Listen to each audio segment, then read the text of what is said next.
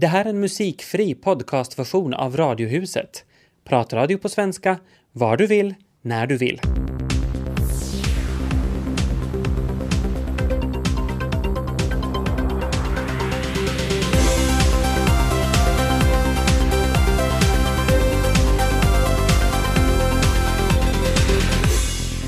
Radiohuset Måndag säger hej, hallå och välkomna med eh, till oss. Eh, Tobias Larsson finns i Helsingfors. Där snöflingorna faller hemskt idylliskt över studion i Böle. Och så har vi Peter Falund i Vasa. Världens bästa sommarjobb eh, väntar en lycklig person om några månader. 10 000 euro i månaden för att twittra, facebooka och allmänt vara aktiv på de sociala medierna till förmån för energiföretagen i Vasaområdet. Det låter väl inte så illa det, Tobias? Inte alls illa. Det låter som ett sommarjobb i min smak. kunde tänka mig det. Sovi Marko från utvecklingsbolaget för Vasa-regionens näringsliv berättar hur som helst mer om cirka fyra minuter. Och nu så ska det handla om ett riktigt dröm sommarjobb, mycket välbetalt dessutom, som någon lycklig person verkligen får se fram emot om några månader. Sovi Marko, du är kommunikationschef för Vasek, det vill säga utvecklingsbolaget för Vasaregionens näringsliv. Välkommen hit. Tack, tack. Det går många rykten om, om det här jobbet, det ena vildare än det andra. Bland annat att det bara skulle handla om att twittra och facebooka, kanske liggandes på stranden. Stämmer det här? Ja, det stämmer delvis. Man ska ju vara aktiv i de sociala medierna under sommaren. Men det är nog mycket annat som det här sommarjobbet handlar om också. Ja, vad ingår riktigt i den här arbetsbeskrivningen? Äh, den här energiambassadörens uppgift är att bekanta sig med Vasaregionen och energikoncentrationens företag. Mm. En vecka åt gången i ett företag. Och då så, efter det här så ska, ska den här personen berätta om sina upplevelser huvudsakligen i sociala medier. Men om jag förstår det rätt nu, så det kan man göra liggandes på stranden? Nej, faktiskt inte. Om man, om man vill riktigt nätverka, nätverka med de här företagen så, så vill man ju gå dit och bekanta med deras mm. verksamhet och jobba med deras innovationer. Och det har de här tolv företagen som är med i det här så, så lovat att den här personen får göra. Alltså personen kommer att jobba halva dagen med de här företagen, bekanta sig med deras verksamhet och eh, på plats, alltså på företagen. Mm. Och sen mm. resten av dagen arbeta med, med de sociala medierna och, och med PR-uppgifter. Mm. Varför gör ni det på det här sättet? Den här kampanjen? Mm. Alltså det här är ett sätt att, att väcka uppmärksamhet förstås. Att uh, bakgrunden till den här kampanjen är, är energimarknadens tillväxt och uh, Vasaregionen har idag landets bästa sysselsättningsgrad och företagen här i regionen behöver konstant mera kunnig arbetskraft. Och uh, vi har märkt att alla vet inte om detta, de här arbetsmöjligheterna som vi har här i Vasaregionen. Och då vill, vill vi berätta att hej, att vi har, vi har det så bra här, att välkommen hit och ta del av det här som vi har här. Men hur, hur önskar ni att den här personen ska twittra? Mm, positivt såklart, men det ska vara äkta kommunikation. Livet är ju inte bara, bara leende och skratt och ligga, ligga på stranden varje dag, utan, utan det ska vara äkta. Och det, det som är så bra med sociala medier, att, att det där, man inbjuder andra också med i, med, med i kon, äh, konversationen, att det är inte kommunikation ena vägen endast, utan man kan utbyta, ha utbyte med, med andra människor vilka åsikter kan det möjligtvis vara fel att, att uh, gå ut på de sociala medierna med? Uh, no, inget är precis fel, men om, om vi tänker på den här energiambassadören så, så klart när han kommer att jobba på de här toppföretagen så de har ju affärshemligheter så det är ju en, en självklarhet att man inte ska, ska sprida affärshemligheter på Facebook. Mm. Ja, fast misstag kan ju hända. Nej, det tror jag inte. att Vi kommer att välja en, en riktig proffsmänniska som inte behöver begå sådana löjliga misstag. Ja, vi kommer lite senare in på hur den här personen ska vara. Men har ni sådär annars någon strategi för just eh, Facebook och twittrande och så här? Uh, no, sociala medier, när man vill göra marknadsföring, så det är ju någonting som man måste beakta i dagens marknadsföring. Och det är ett bra sätt att, att det där, ta kontakt med vissa vissa målgrupper, till exempel sådana som, som funderar på, på det där, var de ska börja jobba eller studera och så vidare bortåt. Mm. Lönen är ju ett kapitel för sig, minst sagt mastig är den. 30 000 euro totalt för tre månader. Vad är tanken bakom den här jättelönen? Uh, eh, 30 000 euro, det var ju ett sätt att, att väcka uppmärksamhet. Uh, men 30 000 euro är också en viss, viss, ett visst pris eller belöning för den här personen som, som vinner så att säga den här platsen. Mm. Så mm, ni uppfattar det inte då som jag, att, att det här är väldigt mycket pengar? Absolut, det är väldigt mycket pengar. Ja. Men kanske det är värt det då? Det är absolut värt det, ja. Att om vi tänker på marknads, som en marknadsföringssatsning så har det nog lönat sig att vi har fått, fått mycket mer uppmärksamhet än vad man skulle få för 30 000 euro på en tidning till exempel. Mm. Som man kan tänka sig så är det ju en riktig hit det här. Kanske det mest hypade sommarjobbet i Finland och lite utomlands också. Hur många sökande hittills? No, jag ska inte avslöja riktigt allt ännu. Att sen när ansökningstiden har gått ut så ska vi komma ut med, med de exakta siffrorna. siffrorna men det där, vi har faktiskt fått hundratals ansökningar. Mm. När ska man ha sänt in ansökan? Uh, den fjärde i tredje. Ja, så det är ju då om tre veckor ungefär. Mm, precis. Hur, hur gör ni sen då, när ni har fått alla ansökningar? Alltså vi har TE-centralen som, som hjälper oss med det här, så de går igenom alla ansökningarna som har kommit in och sen väljer vi de 15 till 20 bästa som äh, går igenom en sån här videointervju.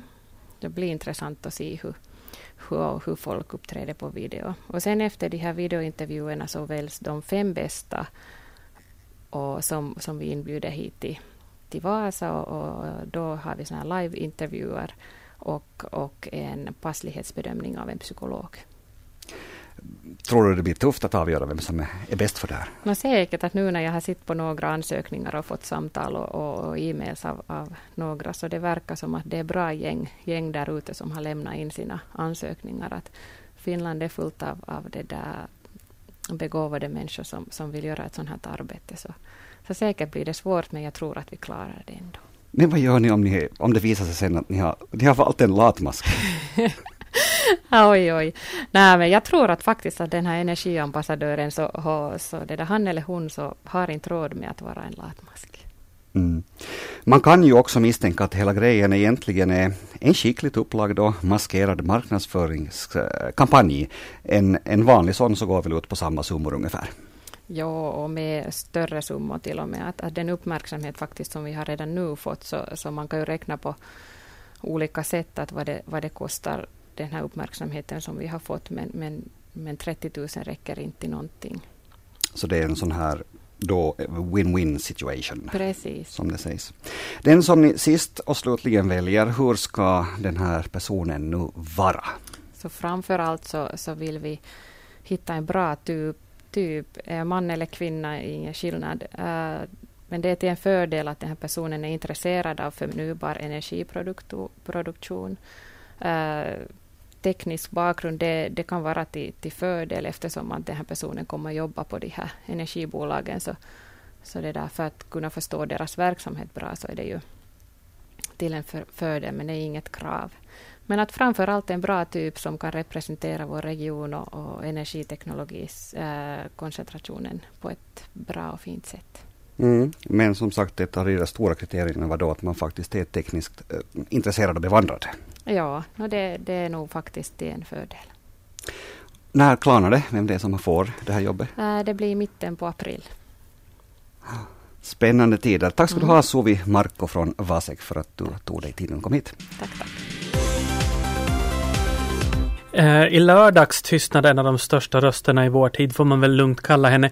Whitney Houston avled på sitt hotellrum 48 år gammal. Det har väl inte riktigt gått någon förbi antar jag. Nej, och det tog också mig hårt eh, trots att tecknen de illavarslande nog funnits där ganska länge. Jag menar som så många andra uppburna stjärnor så, så var ju hon, det var ju ett väldigt högt fall för henne. De sista 15 åren av karriären handlade ju betydligt mer om droger och ett turbulent liv mm. än om sång och, och, framgång. Jag menar det sista riktigt framgångsrika albumet kom 1999 och sedan dess har flopparna varit allt fler. Vet du, jag försökte läsa hennes meritförteckning, alltså priser, Grammys, diamantskivor och nummer ett hits. Men jag fick ge upp. De var allt för många för att man skulle kunna greppa det. Men kort sagt så lär hon ha fått 405 alltså 405 större och mindre utmärkelser och så har hon ju förstås sålt sådär 170 miljoner album också. Ja, precis. Men hon, hon, var ju, hon hade ju allt. Hon var ju, hon var ju en jättestjärna verkligen. Mm. Hon påminner mig om en, eh, en av mina husgudinnor, Dusty Springfield, som ju fantastisk oh. soul-legend. Mm. Hon var också en uträknad föredetting med kraschad karriär och kraschat privatliv. Men hon fick en andra chans. Hon hittade nya producenter, fick nya hits och så fick hon en chans att reparera sin värdighet medan hon fortfarande levde. Och det är ganska få förunnat i popbranschen idag. Jag menar Elvis mm. fick aldrig revansch. Alla minns honom som en pajas i Vegas. Michael Jackson fick aldrig sin revansch heller. Mm. Mm. Och sen frågar man sig att vad, vad, skulle Whitney Houston kunnat reparera? Jag menar av allt att döma så fanns ju inte rösten kvar. Nej. Drog, drogmissbruket hade gått ganska hårt fram på, liksom, över talangen där. Och hon drog ut på den här katastrofala världsturnén här om året. Och där liksom fans, kritiker, alla såga henne, krävde pengarna tillbaka. Mm. Det, det, var liksom ingen, det var liksom ingen, fanns ingen värdighet i det. Det finns ett riktigt fruktansvärt klipp på Youtube, jag vet inte om du har sett det, men mm. det är från Australien, jag tror att det är från Sydney, där Whitney tar ifrån tårna och försöker pricka tonerna i I will always love you. Det låter ungefär som om jag skulle åkt på världsturné och försökt mm. sjunga Whitneys gamla hits. Så jag menar, om både rösten och omdömet fallerat så finns det kanske inte så mycket att bygga en ny karriär på heller. Nej, och ändå så hade hon det ganska väl förspänt inom den egna familjen. Mamma Cissi Houston var själv rätt framgångsrik sångerska, vilket också förstås kusinen Dionne Warwick minst sagt också är. Men, men hon föll väl nog offer för en mix av det där klassiska jätteberömmelsen, råddig man och så de där drogerna av olika slag. Och sen det värsta av alltihop att Whitney, precis som Michael Jackson före henne, nu blivit en guldgruva för skivbolag och andra. För nu kommer det att komma dokumentärer och samlingsskivor och konsert-DVDer, tidigare outgivna låtar och hon kommer sälja som aldrig förr. Nu när inte den levande personen står i vägen för exploateringen längre. Mm. Och det ger en lite besk smak i munnen att en fallen stjärna är mer attraktiv än en inaktiv stjärna. Men den som vill minnas Whitney på ett lite mer positivt sätt tipsas om veckans special onsdag i Radio Vega som ägnar hela sändningstiden mellan 9 och 11 åt Whitneys karriär och hits. I Sverige debatterar man som bäst hur man egentligen ska sitta i kollektivtrafiken. Det tycks vara störande med män som brer ut sig och kvinnor som sprider kassar och väskor runt omkring sig. Och frågan är, vem tar egentligen upp mest plats på bussarna, spårvagnen, metron, flygen och tågen? Har du någon teori Tobias? Ja, det har jag förvisso. Eh, till att börja med så skulle jag säga att jag har följt här, den här debatten med ett visst, okay. visst nöje så. Eh, eh, kanske vad jag skulle kalla lite grann av en pseudodebatt kanske. Men mm. jag anser att de som tar upp mest plats naturligtvis är alla de där som bara bryr sig om sig själva och inte förstår att man måste ta hänsyn till sina medtrafikanter. De tycker jag illa om. No, det här är då en blogg vid namn Macho i kollektivtrafiken som publicerar anonyma bilder på män som sitter brett med benen och på det viset då tar upp för stor plats. Oj, gästanes. Det här är enligt kvinnan bakom bloggen My Wingren heter hon. Hon ser mönstret som om karlarna gör det här med flit för att liksom markera att jo, jo, så här är det i världen flickor, vi är större och vi tar mer plats. Liksom, vet inte riktigt om jag håller med henne. Eh, gör du? Eh, jag tar aldrig på mig något ansvar för någonting som karar inom situationstecken gör. Jag tycker att det liksom diskvalificerar hela det här tyckande. Men mm. vem uttrycker sig på det här sättet? Ja. Sånt som karar gör. Mm. Ja, mm. ja, vi är ju rätt många som kan irritera oss på kvinnor som släpar ett gäng kassar av olika format eh, som också ska få rum någonstans. Men det här håller då inte My Widgren med om i Aftonbladet utan hon ser det som att kvinnorna de bygger upp murar minsann för att eh, du vet slippa ovälkommen kroppskontakt eh, tydligen med slusken bredvid då, knappast ifall det skulle ha varit Valentino. Ja det känns som att de här människorna aldrig riktigt kommer över det här sandlåde, sandlådeperspektivet på saker. Snart börjar de kasta ämbar på varandra, du säga. Mm. Bloggen den håller snart på att brisera med rödglödgade kommentarer som män har en pung som gör det omöjligt att sitta med benen tätt ihop och, och att vi riskerar fertiliteten om paketet inte får ha det luftigt och skönt omkring sig. Vad sägs om det?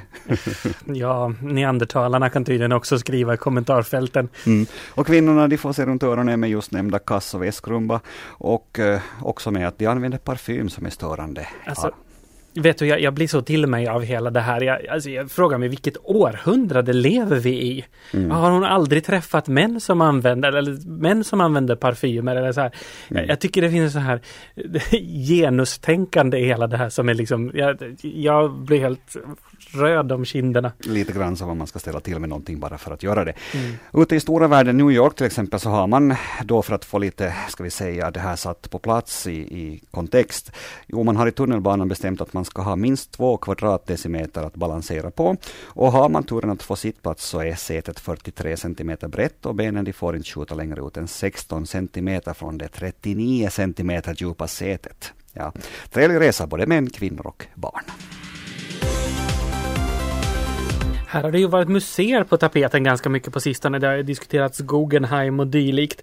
Mm. Hur mycket museimänniska är du Peter? Jag har varit ganska dålig på att gå på museum de senaste 10-15 åren. Får väl skämmas lite där. Men om jag tänker på min personliga topp tre så får jag säga Rock'n'Roll Hall of Fame i Cleveland, USA.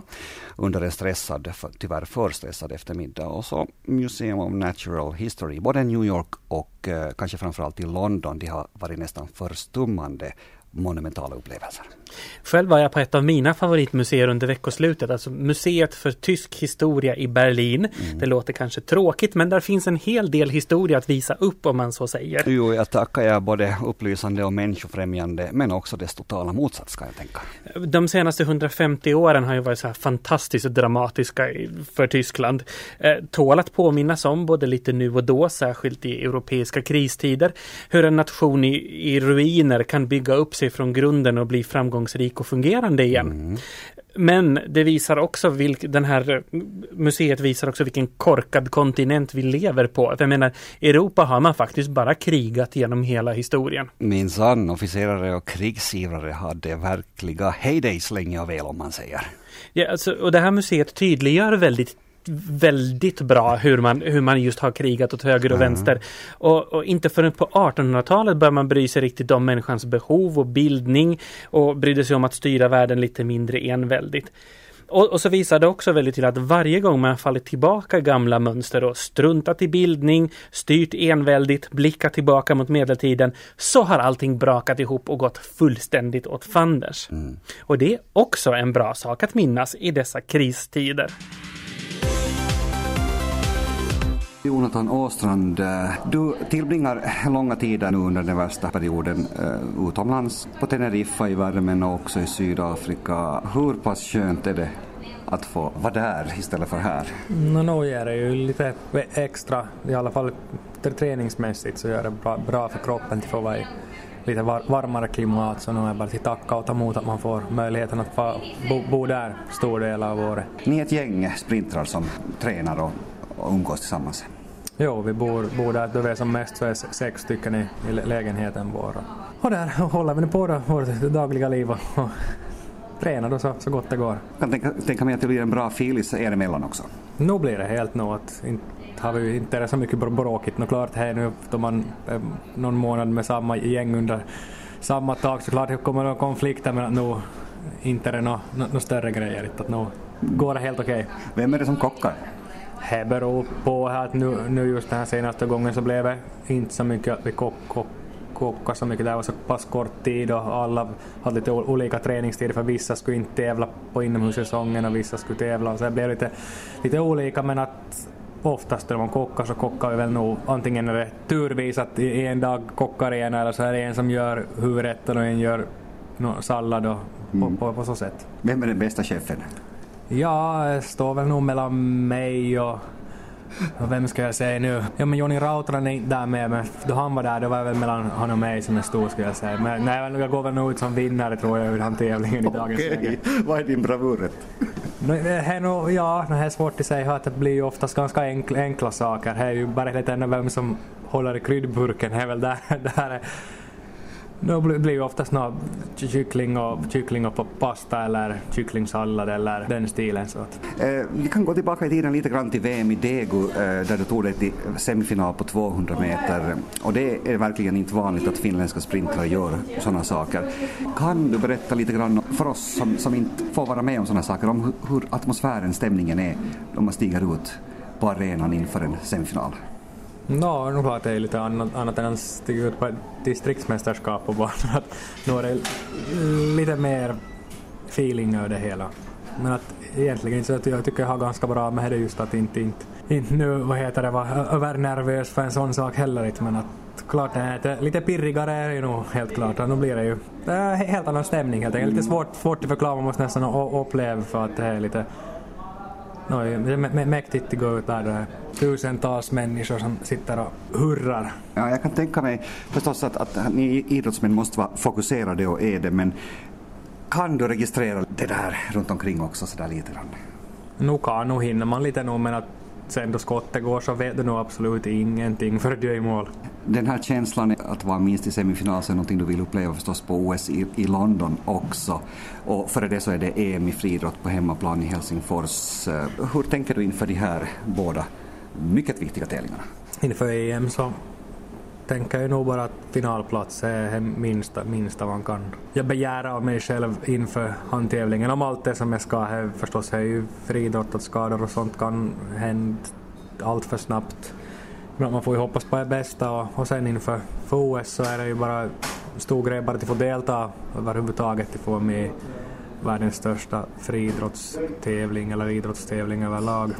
Men då förstås bara göra sitt bästa där och så gott man kan bara för att i alla fall försöka då igen ta sig vidare från, från försöken i alla fall. 2050 eh, har du gjort på 200 meter, det fattas bara 300 delar till Tommy Hartonens finländska rekord.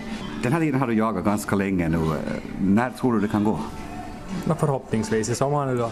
Man vara så pass nära sist att 300 delar är nog inte så farligt mycket i längd här om man räknar på ett 200 meters lopp så är det inte så många centimeter som man måste kasta sig lite extra för att få hem en. Mm förhoppningsvis den här sommaren då så ska jag vara fixat. Det skulle sitta fint då till exempel. Men ingen aning om jag kommer på, på hemmaplan på EM lite svårt i sig, för där är ju banorna lite speciella de där kurvorna så jag tror det kan bli några riktiga topptider där. Där blir det nog placeringarna som gäller bara. Och dina egna funderingar om hur lågt ner mot 20 sekunder blankt du skulle kunna komma om allting skulle vara optimalt? Medvind eh, inom tillåtna gränser? Jag nog tippar jag att det skulle nå ner mot ja, mellan 2020 och 2030 så här om lite bättre form än, än förra året. Och framåt ska vi ju hela tiden så snabbare och så jag ska tipp, tipp, runt något sånt ska jag gå till, gå till spring med perfekta förhållanden kommande säsong. Jonathan Åstrand, lycka till. Tack, tack. Det här var en musikfri podcastversion av Radiohuset som sänds i Radio Vega måndag till torsdag. Mer information om programmet hittar ni på svenska.yle.fi radiohuset.